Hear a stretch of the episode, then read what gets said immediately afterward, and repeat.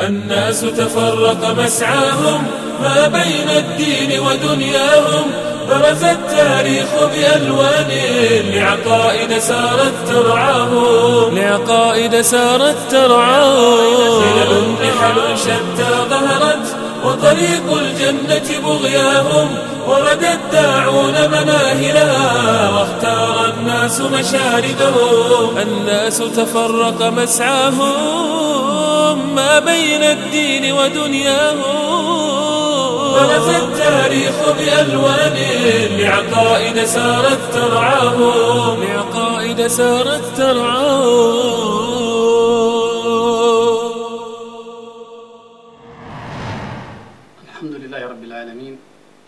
وصلى الله وسلم وبارك على عبده ورسوله محمد وعلى آله وصحبه أجمعين.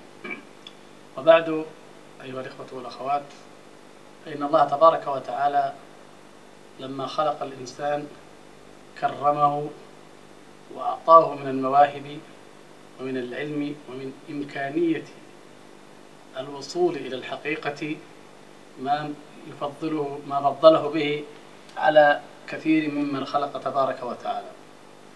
أعطاه إمكانية أن يعرف الحقيقة أن يبحث عنها وأن يهتدي إليها. أعطى كل شيء خلقه ثم هدى.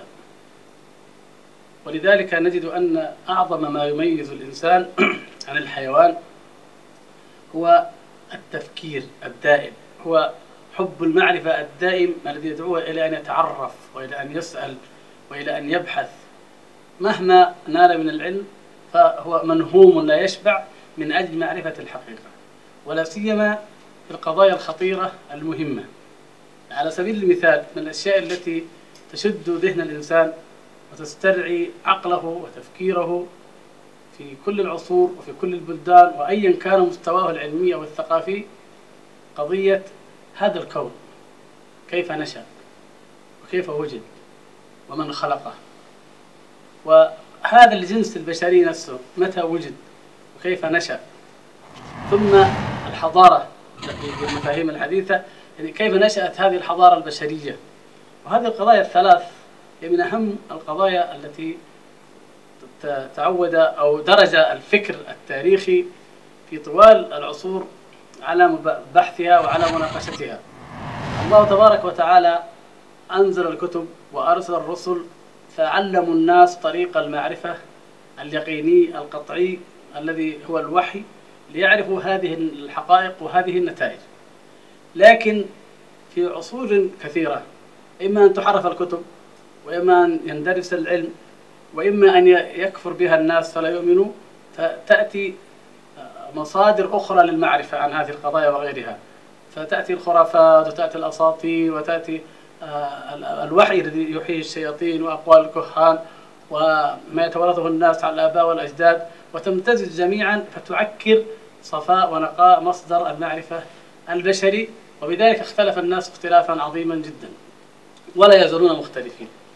وقضايا الخلاف الفكري أيها الإخوة قضايا كبيرة جدا وكثيرة جدا لا يمكن أن تدخل تحت الحصر. لكن أخطر هذه القضايا هو القضايا التي تتعلق بالدين بالثوابت بالقيم التي من الفطرة البشرية والتي تعلم بصريح العقل والتي لا يمكن للإنسان أن يعيش إلا وقد آمن بها وإذا تعكرت أو تلوثت فإن الإنسان يضل ويتيه كما هو واقع ومشاهد في الحضارة الغربية المعاصرة. كما عبر وزير الثقافة الفرنسي يقول هي أول حضارة في التاريخ بلا معنى. لا تعرف معنى وجودها. ولعل إن شاء الله هذا الموضوع نفيض فيه في حلقات أو في لقاءات أخرى إن شاء الله. لكن المقصود أن هناك فعلا يعني مشكلة خطيرة جدا يعيشها الإنسان المعاصر والحضارة المعاصرة. وهذه المشكلة الخطيرة هي نتيجة اختلاط مصادر المعرفة. ومن ذلك مثلا أن الكتب الدينية أو الكتب التي يعرفها الإنسان الغربي فقدت مرجعيتها ومصداقيتها في نظره. والعلم البشري لا يتوصل بذاته إلى الحقيقة. فهنا تاهت البشرية وظلت ويجب على العلماء وعلى المفكرين أن يحلوا هذه المشكلات للعالم البشري في جميع الفروع ما أمكن بما أتانا الله سبحانه وتعالى به. نحن أمة الإسلام من الوحي المحفوظ المعصوم الذي نحن نؤمن به إيمانا قطعيا يقينا والحمد لله.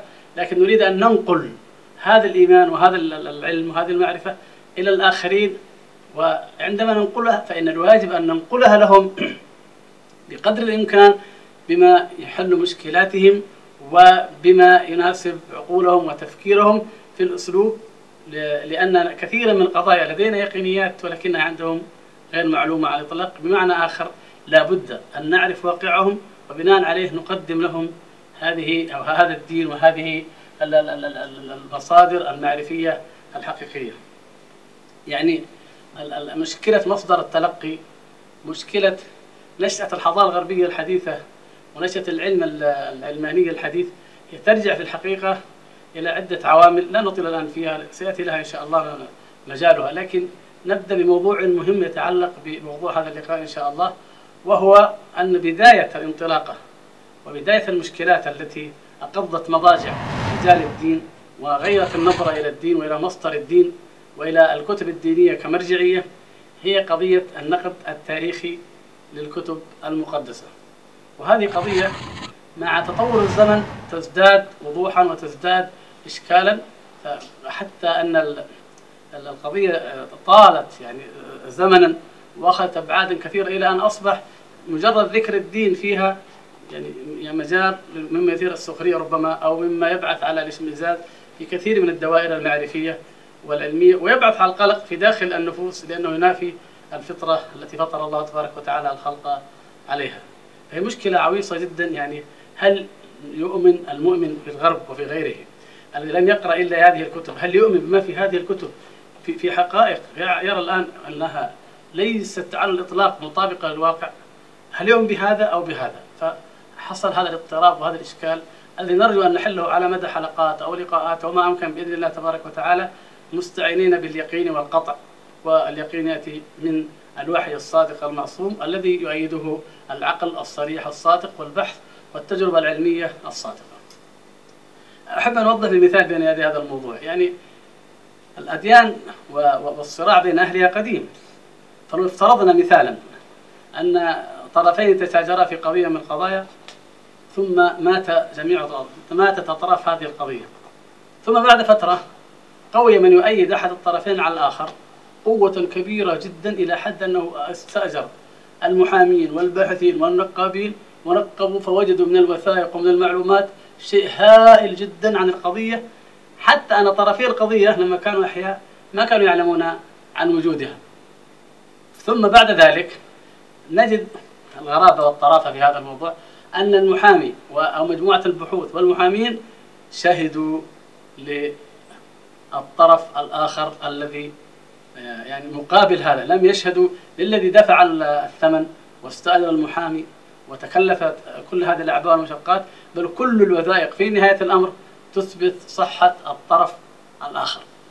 هذا ببساطة هو موقف الكتب موقف العلم وبالذات فيما يتعلق ب إذا قارنا بين ما وقع في التوراة المحرفة وبين كتاب الله تبارك وتعالى المحفوظ المعصوم كما سوف نرى من حقائق جلية واضحة. فنحن نجد أن الغرب الذي نقب الغرب الذي بحث الغرب الذي نبش الحضارات الغرب الذي بحث في الكون وفي الآفاق. كل هذا يصلح الآن والحمد لله وهو دلائل وبراهين قطعية على أن هذا القرآن حق وأنه من عند الله تبارك وتعالى. ولذلك يقول النبي صلى الله عليه وسلم في الحديث الصحيح الذي رواه البخاري ومسلم عن أبي هريرة رضي الله تعالى عنه ما من نبي من الأنبياء بعثه الله تبارك وتعالى قبلي إلا أوتي ما يؤمن الناس على مثله وإنما كان الذي أوتيته وحيا أوحاه الله الي فأرجو أن أكون أكثرهم تابعا يوم القيامة. يعني الحافظ بن حجر رحمه الله لما استعرض الأقوال في هذا يعني ذكر من من أكثرها ملائمة لموضوعنا ورجحه وهو أنه من جملة ذلك إخبار القرآن بالمغيبات فلا يمر عصر من الأعصار إلا وظهر فيه شيء مما أخبر به النبي صلى الله عليه وسلم على مما يدل على صحته وأنه قطع وأنه حق من عند الله تبارك وتعالى. يعني بمعنى أن هناك لدينا نوع فذ فريد في في في الدلائل والبراهين القرآنية التي يسميها علماء الكلام معجزات.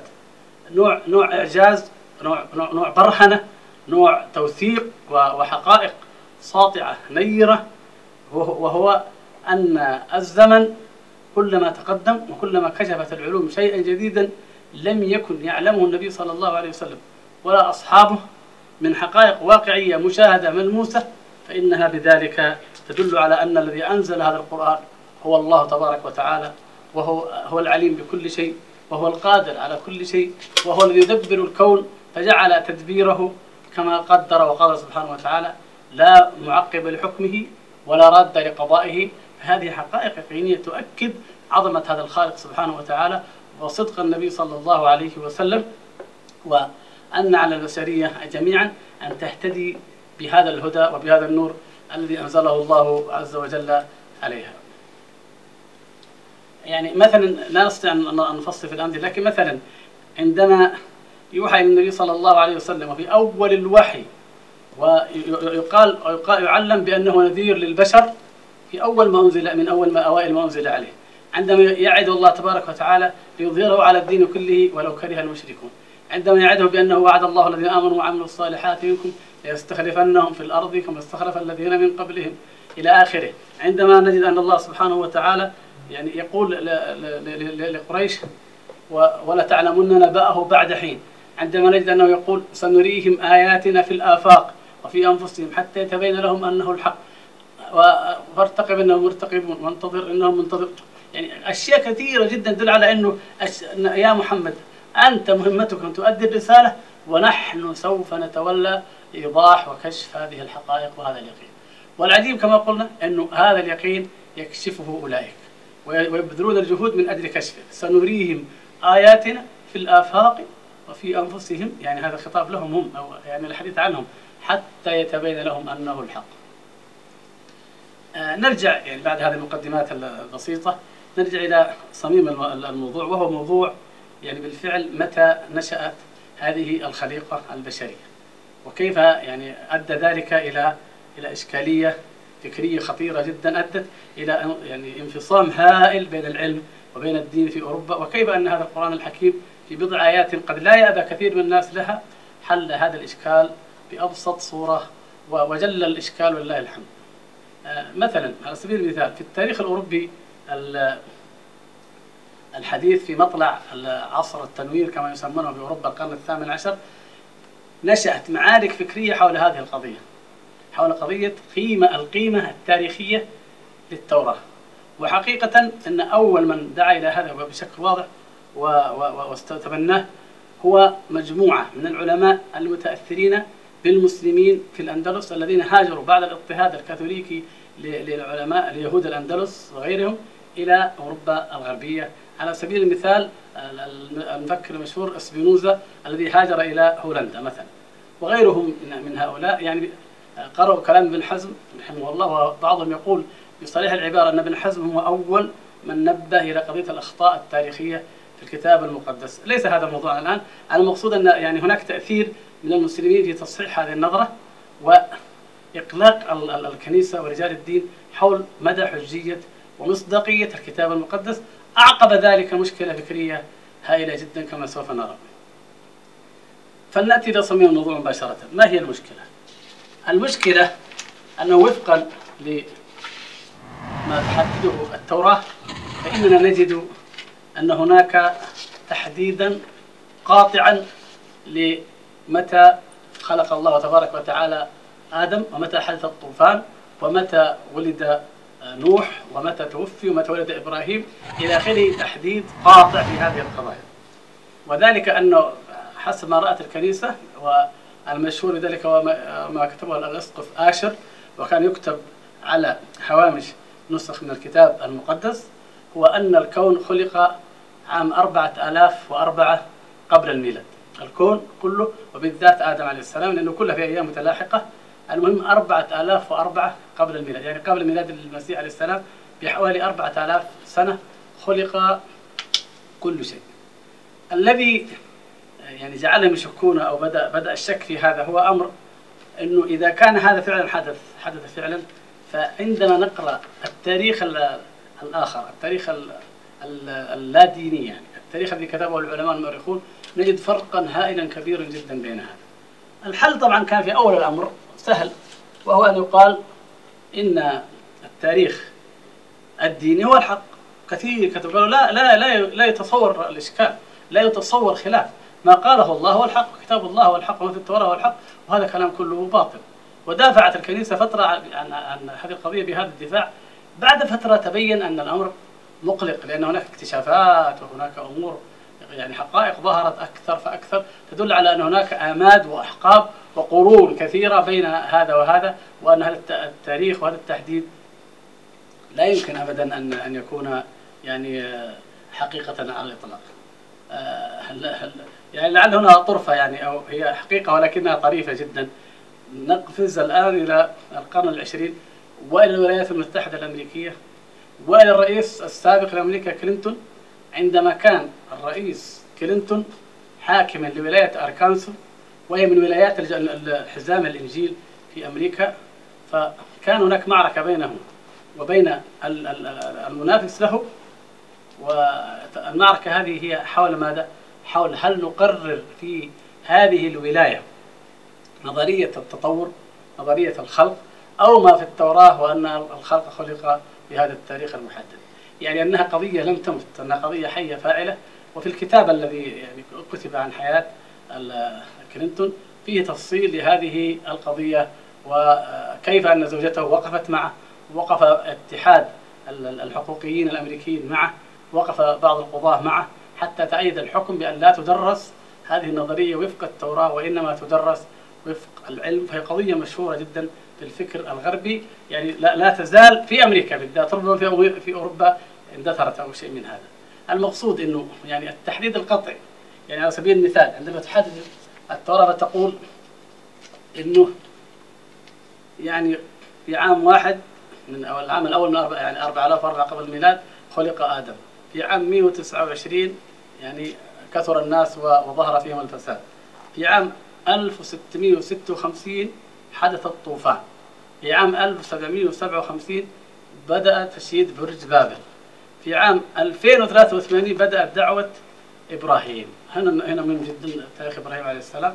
ثم بعد ذلك في 30 ب 430 سنة كان أنزلت التوراة على موسى عليه السلام يعني كان إرسال موسى عليه السلام.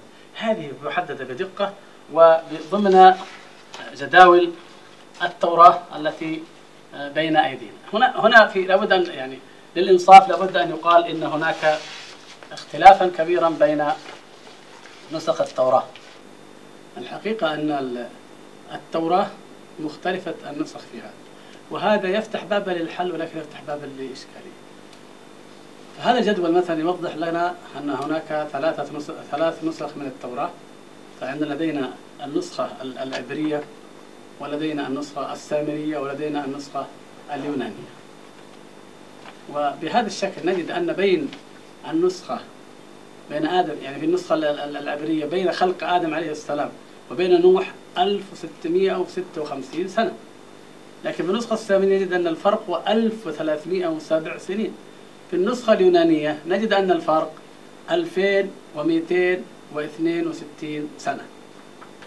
عندما اطلع الغربيون والعلماء والمؤرخون والعلماء وغيرهم من رجال الدين وغيرهم اطلعوا اطلعوا على التاريخ الحديث للعالم التاريخ المصري القديم وتواريخ الصين وتواريخ الهند وبعض التواريخ العربية أيضا. لما اطلعوا على ذلك وجدوا أن هنا مشكلة يعني أنه أنه هذا التاريخ يمتد آلاف طويلة من السنين وبعضها يمتد كما سوف نعرض إن شاء الله في لقاء قادم يعني إلى إلى ملايين السنين فكيف يكون الحل؟ فالبعض جاء ببعض الحلول وهي أن نقول إن الترتيب مثلا الأسر الملكية في مصر مثلا ثلاثون أسرة أيضا معمول لها جدول خاص بها نقول الثلاثين الأسرة المصرية هذه لم تكن متتابعة وإنما كانت متجاورة بحيث كل مجموع سنواتها لا يخرج أبدا عن نطاق الأربعة الآلاف وأربع أعوام.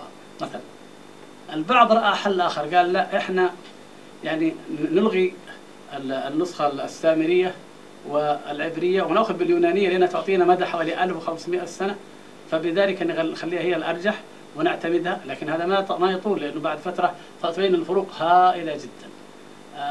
من أيضا الطرائف في هذا الباب أن بعضهم قال لا. التوراة ليست يعني خطاب علمي دقيق يعني بالدقة فهم إذا إذا قالوا عام كذا فهم يحذفون الكسور وما يتجمع لنا من الكسور هذه ما يمكن أن يسد الفجوة. يعني حلول أرادوا أن يرقعوا بها ويؤولوا بها هذا الاختلاف ولكن الخرق اتسع على الراقع وابتعدت القضية جدا إلى أن صارت بالفعل مشكلة عويصة ومشكلة كبيرة في تاريخ الفكر. فكان يعني لابد أن من أن أن تحل هذه المشكلة الخطيرة. الإشكالية في في هذه الأمر إذا أردنا أن نرجع الأمر إلى أصوله إلى في هذه القضية عندنا إشكاليات كثيرة. الإشكالية الأولى بدأت من مركزية أوروبا وعنصريتها. يعني لا يريد علماء الدين ولا علماء التاريخ وغيره لا يريدون أن ينظروا إلى التاريخ الآخر إلا باحتقار. يعني لا يريدون أن أن أن يؤمنوا به أو يتطلعوا إليه. مع أن هناك لمحات حقيقة ممن قال لهم لماذا لا نأخذ من القرآن؟ لماذا لا نأخذ من الإسلام؟ ولكنه رفض رفضا شديدا. فهذه الإشكالية جعلتهم يتخيلون أن تاريخ العالم هو تاريخهم. ولا ولا تزال هذه اثار هذه العنصرية إلى اليوم. فإذا قيل العالم غالبا في الغرب فالعالم هو العالم الغربي العالم المتحضر. وربما مع الانفتاح والإنترنت والمعلومات الحديثة ربما اتسع المفهوم هذا قليلا لكن إلى أمد قريب كان العالم عند الغرب هو العالم الغربي وما يراه العالم يعني ما يراه العالم الغربي إلى آخره. هذه كانت حقيقة يعني أحد المشكلات من المشاكل الأخرى الجهل أيضا. يعني جهلهم في الاطلاع على العالم الآخر ومحاولة النظر في هذا العلم بموضوعية أو نظر بما لديهم موضوعية. هذا الأمر جعل الصراع داخل أوروبا يحتدم دون أن يحاولوا أن يستعينوا بمصدر خارجي أو يتفهموا حول هذا الموضوع. ولكن الزمن كما قلنا أدى إلى في النهاية يعني ما يشبه انتصار كاسح جدا للاتجاه اللاديني على الاتجاه الديني الذي كان أو الذي يجب أن يكون هو الحق. آه، يعني لكي نوضح يعني أهمية وقيمة ما عدل هذه النظرة عند الغربيين يمكن أن نقرأ بعض أو نطلع على على أهمية آه، اكتشاف الحضارات الأخرى التي اكتشفها الغرب. فمثلا مثلا حضارة السومر الحضارة السومرية استطاعوا الحضارة حضارة السومر وبابل وحضارة مصر. الغرب عندما اكتشفها يعني اكتشف شيئا مذهلا جدا. آه هذه قصة طريفة جدا من قصص الحقيقة أو كما يقول آه يعني ويل ديورانت من أروع القصص في التاريخ. وكذلك يقول أن اكتشاف مثلا حجر رشيد هو آه من أعظم الاكتشافات في تاريخ التاريخ. الغربيون عندما جاءوا إلى العالم الإسلامي في العصر الاستعماري بدأوا ينقبون عن الآثار وعن الحضارات. منهم من ينقب ليؤكد ما قالته التوراة وهذا مصرح به في كتبهم. ومنهم من ينقب لأغراض جاسوسية واستخبارية. الجميع كان له أهداف لا شك أهداف سياسية. وقد قد يوجد من له أهداف علمية بالإضافة إلى هذا لكنه جاء مولا من حكومته ليخدم هذه الأهداف.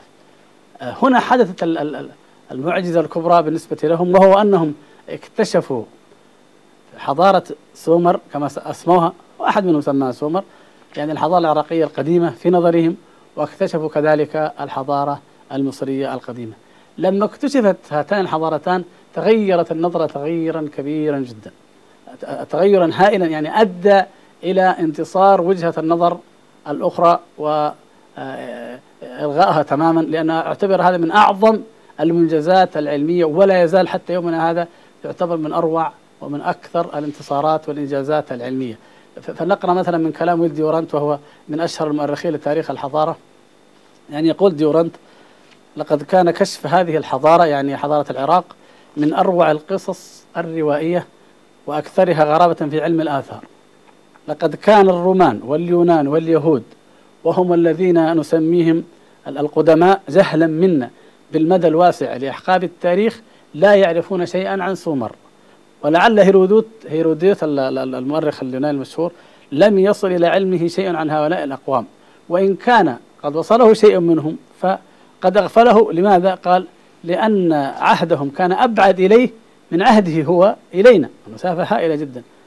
وذكر يعني أنه كان لم يكن يعرف إلا التاريخ الأسطوري القديم الذي كان لديهم ويقول وهكذا يعني بعد تعاون من العلماء شديد ذكر أيضا كتاب حضارة بين النهرين بعد تعاون وبعد آه، محاولات من عدة جهات آه، ومعظمهم قناصل يعني قنصل القنصل الفرنسي قنصل البريطاني أيضا استطاعوا بجهود طويلة مضنية أن يكتشفوا آه، الحروف وكيف يترجمون هذه الحروف التي كانت مكتوبة بالخط المسند القديم فعندما اكتشفت هذه الحروف وبدأ يفكون الرموز والألواح فوجدوا مثلا مكتبة طينية فيها ثلاثين ألف لوح. وفي هذا الثلاثين ألف لوح هناك آه، حقائق عن ملوك عجيبة جدا وآماد بعيدة جدا. وهذه الآماد مدهشة يعني يعني بعض الملوك يقال أنه حكم إلى عشرين ألف سنة مثلا أو إلى ثلاثين ألف سنة. آه، الملوك العشرة كما يسمونهم وربما تترجم بالأجيال أو القرون العشرة أن هناك عشرة قرون وعشرة أجيال حكمت البشرية هذه المدة الطويلة التي يمكن أن يعني نقول أن العقل لا يكاد يصدق أن يعني تحكم هذه المدة الطويلة ويسمونها في عصر ما قبل الطوفان. فكأنه قبل الطوفان وجدت هذه القرون العشرة كما يقولون وألواح كثيرة من منقوشات مسكوتات مسكوكات. يعني بدأ بدأوا يراقبون بلهف شديد ونهم شديد ولا يزالون إلى اليوم للحصول على أي شيء يدل على يعني حقيقة هذا التاريخ وكيف أنه متوغل في القدم وما هي الحقيقة في هذا الموضوع؟ يعني بالضبط أين الحقيقة؟ هل فعلا هذا التاريخ الأسطوري حق أو غير حق؟ يعني هنا طبعا تاهت يعني الأفكار وتاهت النظريات في هذا الباب. لكن في الحقيقة كما يقول ديورانت أنه يعني يعني يقول تعاون العلماء من مختلف الأمم على كشف السر الغامض من تلك القصة العجيبة التي لا آخر لها وأخذوا يتعقبون الحقائق التاريخية بلا ملل تعقب الشرطة السرية للصوص المجرمين. وبعد ذلك طبعا يعني القضية بأكملها لم تخرج في النهاية بعد اكتشاف حضارة العراق وبعد اكتشاف أيضا حجر الرشيد في مصر على يد شامبليون. والحجر عبارة عن يعني أثر كبير يعني في كبير القيمة. وجد منقوش بعدة لغات أمكن من خلال الحروف اليونانية اكتشاف اللغة أو الكتابة المصرية القديمة. فبذلك فكت الحروف أيضا في مصر وقرأت حضارة مصر وتاريخها القديم وأدابه موغل بآلاف السنين أيضا في القدم. فهنا يعني أصبحت هذه القضية عند الغربيين حقائق مدهشة وحقائق مفاجئة وأصبح العالم الغربي يفتخر دائما بهذا ولا يزال حتى هذا اليوم ينقب ويبحث ويجتهد لكي يعرف حقيقة يعني هذا العالم القديم ولم يعد لم يعد أحد تقريبا يصدق عن يصدق الرواية التوراة رواية التوراة عن خلق الإنسان. ورغم الدفاع الكبير الذي تبديه بعض الكتب مثل دائرة المعارف الكتابية فهي تدافع دفاعا حارا ومجموعة علماء كبار يعني في الغرب والشرق يدافعون عن النظرية عن عن رواية التوراة بدفاعات كثيرة جدا إلا أن هذا الدفاع باهت لا قيمة له أمام انتشار هذه الحقائق الكبيرة والمدهشة جدا التي يعني كشفت والتي لم يعد هناك أحد يستطيع أن يماري فيها إضافة إلى الأحقاب الجيولوجية. فنحن مثلا يعني نحن شاهد يعني مقرر علم الجيولوجيا أو علم الأرض في عندنا في مدارسنا الثانوية في في المملكة وفي غيرها. فنجد أن هذا العلم بدون بدون أي يعني طبعا آه، شك ولا ولا محاولة إثارة شك يتكلم عن آه، أن العمر الكون يعد وعمر الأرض يعد بالمليارات وبالتالي فإن ظهور الإنسان هو قديم جدا وأن هناك يعني أحقاب جيولوجية متوالية وأن يعني بعض هذه الأحقاب يمتد عشرات وملايين السنين حتى نصل إلى العصر الذي نحن نعيش فيه الآن. هناك معلم مهم جدا في تاريخ أو في في علم الجيولوجيا يحدد يحدد لنا تحديدا تقريبيا يعني متى وجدت الحضارة الإنسانية ومتى وجد الإنسان بشكله الحالي الإنسان العاقل الكامل العقل الذي نستطيع أن نقول أنه بداية عهد آدم عليه السلام. آه، أقرب يعني أقرب مثال لهذا أقرب هو العصر الجليدي لأن أن يكون الإنسان وجد وظهر على هذه الأرض في العصر أو نهاية العصر الجليدي. بمعنى أن العلم الحديث هو ظني كل بحوثه ظنية لكن نحن نستطيع من هذه الفقرة فقط نأخذها الآن وسيأتي الموضوع شرح أفضل إن شاء الله وأكثر نقول أنه المثال هذا نأخذه الآن هنا نوظفه في هذا السياق وهو أن العصر الجليدي هو يشهد انهيار أو انتهاء العصر الجليدي شهد بداية ظهور الحضارة البشرية وظهور الإنسان العاقل كما يقولون كما في وضعه الحالي. ومعنى ذلك أنه أمكن تحديد العصر الجليدي بدقة فإنه بإمكاننا أننا نعرف الحقيقة. طبعا ليس بالدقة التي نطلبها نحن. حتى التواريخ الموجودة الآن في عند مصر والعراق الفروق قد تصل إلى مئات السنين. ونقدنا نحن هذا التاريخ له كلام طويل. لكن المقصود أنه يعني تقريبا يعني نصل إلى حقيقة في هذا ال ال الأمر. الأحدث ما في تقريبا النظريات الموجودة الآن أن العصر الجليدي ما بين عشرة آلاف إلى ثمانية آلاف سنة. نحن سنعتمد هذه النظرية ك يعني نظرية تقريبية وبناء عليها نأتي لأنه في القرآن وفي السنة لم يأتي تحديد يعني يعني قطعي فلا حاجة إلى القطع الكلي. نحن نحتاج فقط أن نعرف هل هناك أماد وأحقاب أطول أم أن أربعة آلاف سنة قبل الميلاد ثم بعد ذلك نحتاج أن نعرف يعني كيف يمكن أن تكون أماد طويلة جدا. في في في في الفهم أو في الوعي أو في الشعور الإسلامي مع أنها في الفكر الغربي كانت مدة وجيزة وقصيرة جدا لا تكاد تذكر. ملل نحل شتى ظهرت وطريق الجنة بغياهم ورد الداعون مناهلها واختار الناس مشاردهم. أيها الأخوة والأخوات الحقيقة أننا حتى الآن يعني عرضنا عرضا موجزا للمشكلة ولكن آه، لم نأتي بالحلول. بل, بل بالواقع أننا فتحنا المجال لإشكالات كثيرة جدا. وهذا هذا مقصود وأرجو أن تصبروا علينا قليلا فإن شاء الله الحقائق سوف نكتشفها رويدا رويدا ونمهد لذلك ببعض الممهدات. يعني مثلا لا يوجد يقين قاطع في هذه الأمور عند أهل, أهل الاكتشافات. يعني في العلم في الفكر التاريخي اللاديني لا يوجد يقين قاطع. وما في التوراة اتفقنا والآن ورأينا أنه لا لا قطع فيها. ويمكن أفصل أيضا شيء من هذا فيما يتعلق بالتوراة. يعني مثلا أن كون آه، نوح عليه السلام يعني لم يمت إلا بعد ولادة إبراهيم عليه السلام مشكلة كبيرة جدا. يعني كيف هذا؟ وغير ذلك المشكلات التي جاءت يعني. لكن نقول أنه لا يقين هنا ولا يقين هنا. يعني نأتي بعبارة قالها أحد العلماء المتمكنين في هذا الباب يعني يقول بالنسبة للألف الأول قبل الميلاد يعني آه، ممكن أن يكون هناك يعني معرفة قطعية أو معرفة يعني جيدة فيه. يعني ألف سنة تقريبا داود عليه السلام وسليمان عليه السلام في هذه الفترة هناك منهما إلى إلى المسيح عليه السلام يعني هذا شيء معلوم. الألف الثاني فيه نقاط ثابتة بعض النقاط الثابتة يمكن أن ترتبط بها حقائق يعني نستنتج منها حقائق أكثر يعني. أما الألف الثالث فكل شيء قابل للاحتمال. أصبح يعني هو أقل إذا انتقلنا الألف الرابع قبل الميلاد فهو لا يكاد يكون لديهم أي شيء يعني في هذا في يعني قطعيات أو معالم ثابتة يقينية لتحديد آه، هذا التاريخ. يعني هنا إشكالية أنه ظن بمعنى نخرج القضية عن قضية القطع. يعني طلابنا الآن أبناؤنا معلمونا في الكليات في المعاهد في أنحاء العالم الإسلامي يدرسون هذه القضايا على القطع وعلى الجزم مع أنها لا من ناحية الدين الغربي. يعني الدين ما جاء في التوراة. قطع قطعية ولا من ناحية أيضا علم الآثار قطعية باعتمادهم على المصادر المادية وفصلهم الدين عنها يعني المسكوكات والنقوش والآثار التي وجدوها إذا لا قطع في الحقيقة. ثم في أمر آخر يعني مما الأشياء ننبه إليه. يعني إذا كان هذا كذلك فهل, فهل البديل هو الفكر الأسطوري؟ يعني هل نرجع للفكر الأسطوري؟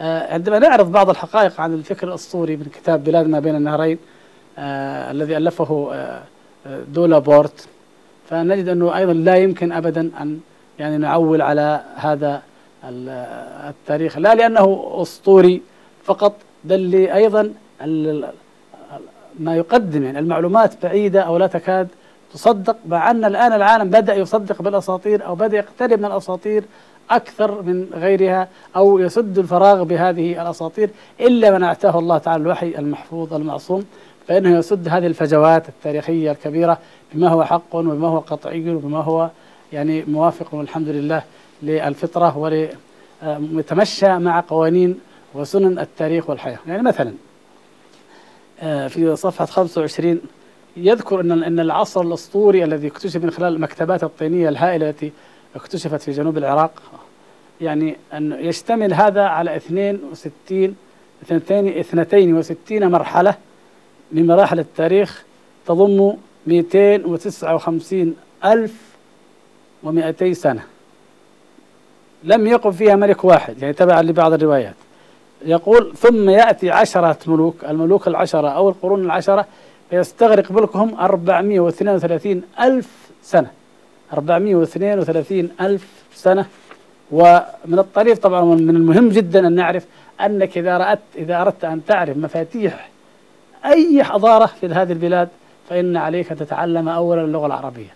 في اللغة العربية تحل لديك مشكلات كثيرة. الأسماء كلها عربية ولكنها تحرف عندما تترجم فينطقون العاء كأنها آ مثلا والخاء وما أشبه ذلك. الحروف التي لا توجد عند آه، في بعض اللغات الأوروبية خاصة الفرنسية والإنجليزية. والمقصود أن بأن المفاتيح هي اللغة العربية القديمة التي يسمونها السامية. وهذه لها حلقات إن شاء الله. نخصصها بإذن الله تبارك وتعالى نبين هذا.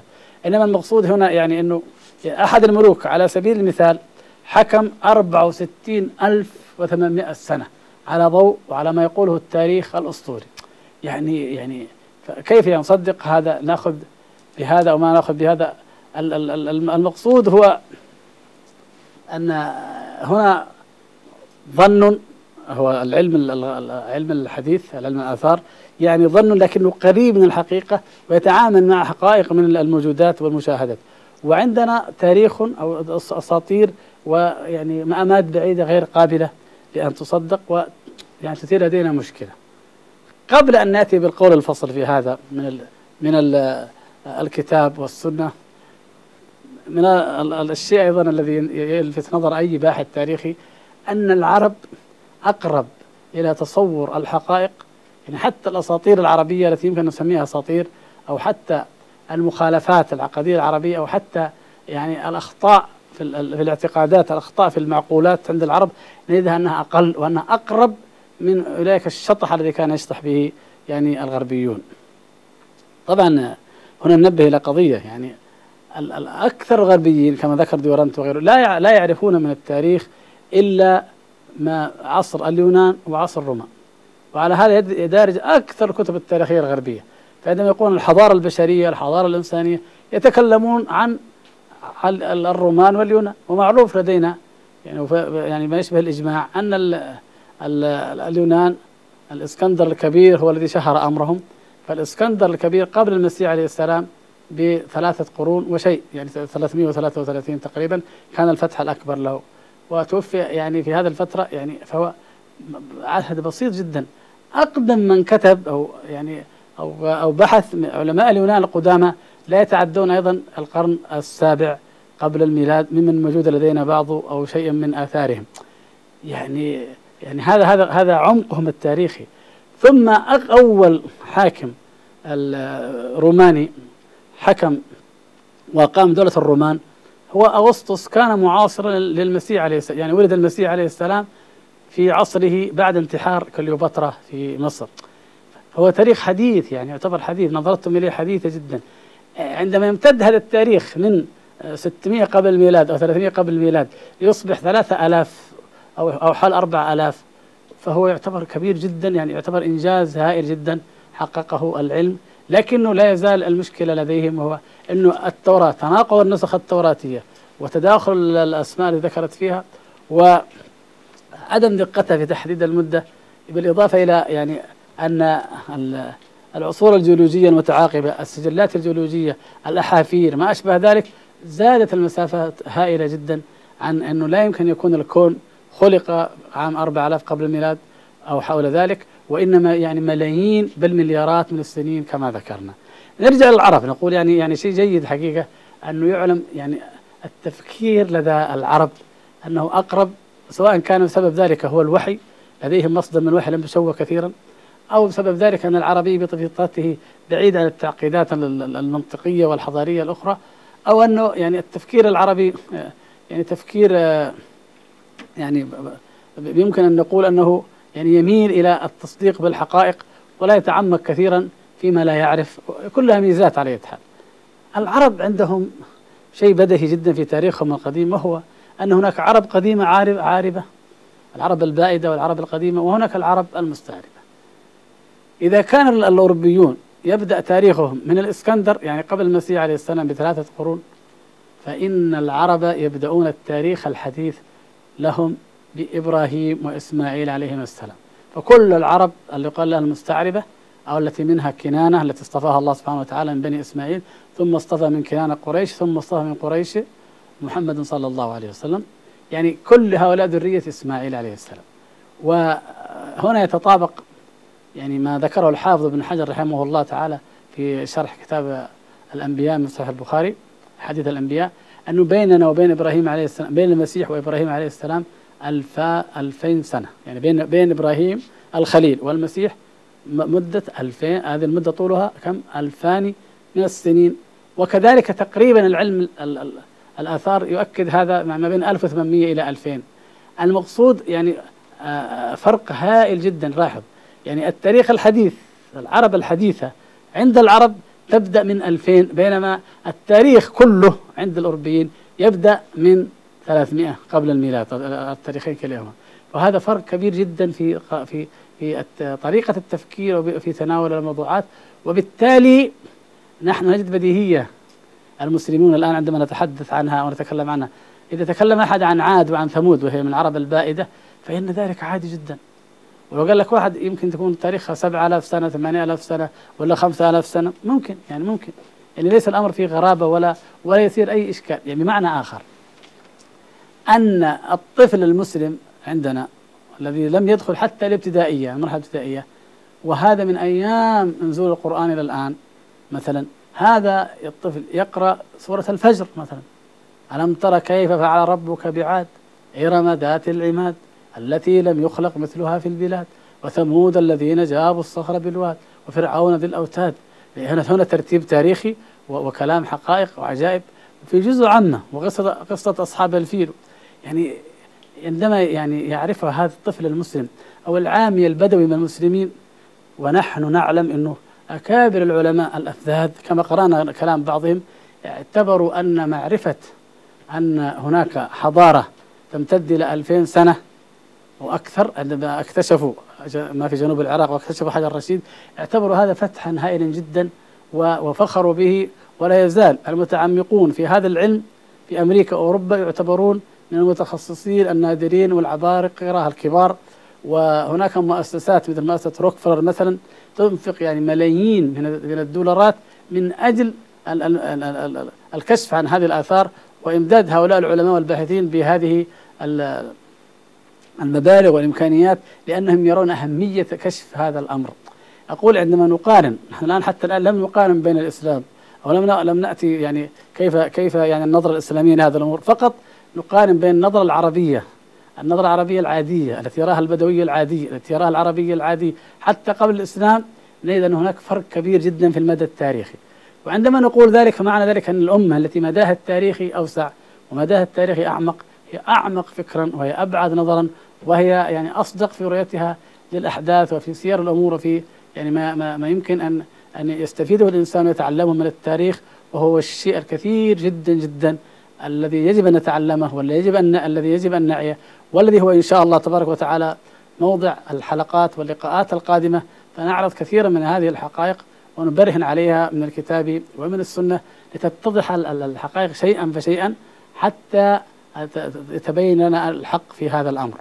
يعني حسبنا في في في هذه الحلقة أن نكون أثرنا يعني إن شاء الله أو حاولنا أن نثير المشكلة وشيء من أعماقها ومن أبعادها ثم في في في اللقاءات القادمة بإذن الله تبارك وتعالى نعرض الحلول ونعرض لجوانب أخرى ونعرض الإشكالات كثيرة تترتب على هذا فيما يتعلق بنظرية التطور العضوي فيما يتعلق بنظرية التطور المعرفي. التطور العضوي يعني نظرية داروين التطور المعرفي يعني نظرية أوغست كونت في مراحل المراحل الثلاثة. فيما يتعلق بنشأة الحضارة هل الحضارة نشأت أم أنها ولدت وجدت مع الإنسان؟ فيما يتعلق بمصدر الحضارة هل هو جزيرة العرب أو مصر أو أو يعني وسط آسيا أو أوروبا أو أي مكان؟ فيما يتعلق ب يعني حقيقة وجود أو ظهور الدين. هل ظهر الدين كما يقولون ظهورا حمورابي أنشأه أو أخناتون أو علم الناس التوحيد أو يعني كثير من القضايا خطيرة ومهمة جدا تجليتها نرجو إن شاء الله سبحانه وتعالى أن نأتي عليها في لقاءات قادمة ونسأل الله سبحانه وتعالى أن يوفقنا وإياكم للهدى ويثبتنا على الصراط المستقيم. إنه سميع مجيب وصلى الله وسلم وبارك على عبده ورسوله محمد وعلى آله وصحبه. الناس تفرق مسعاهم ما بين الدين ودنياهم. برز التاريخ بألوان لعقائد سارت ترعاهم. لعقائد سارت ترعاهم. خلل نحل شتى ظهرت وطريق الجنة بغياهم. ورد الداعون مناهلها واختار الناس مشاردهم الناس تفرق مسعاهم ما بين الدين ودنياهم. برز التاريخ بألوان لعقائد سارت ترعاهم. لعقائد سارت ترعاهم.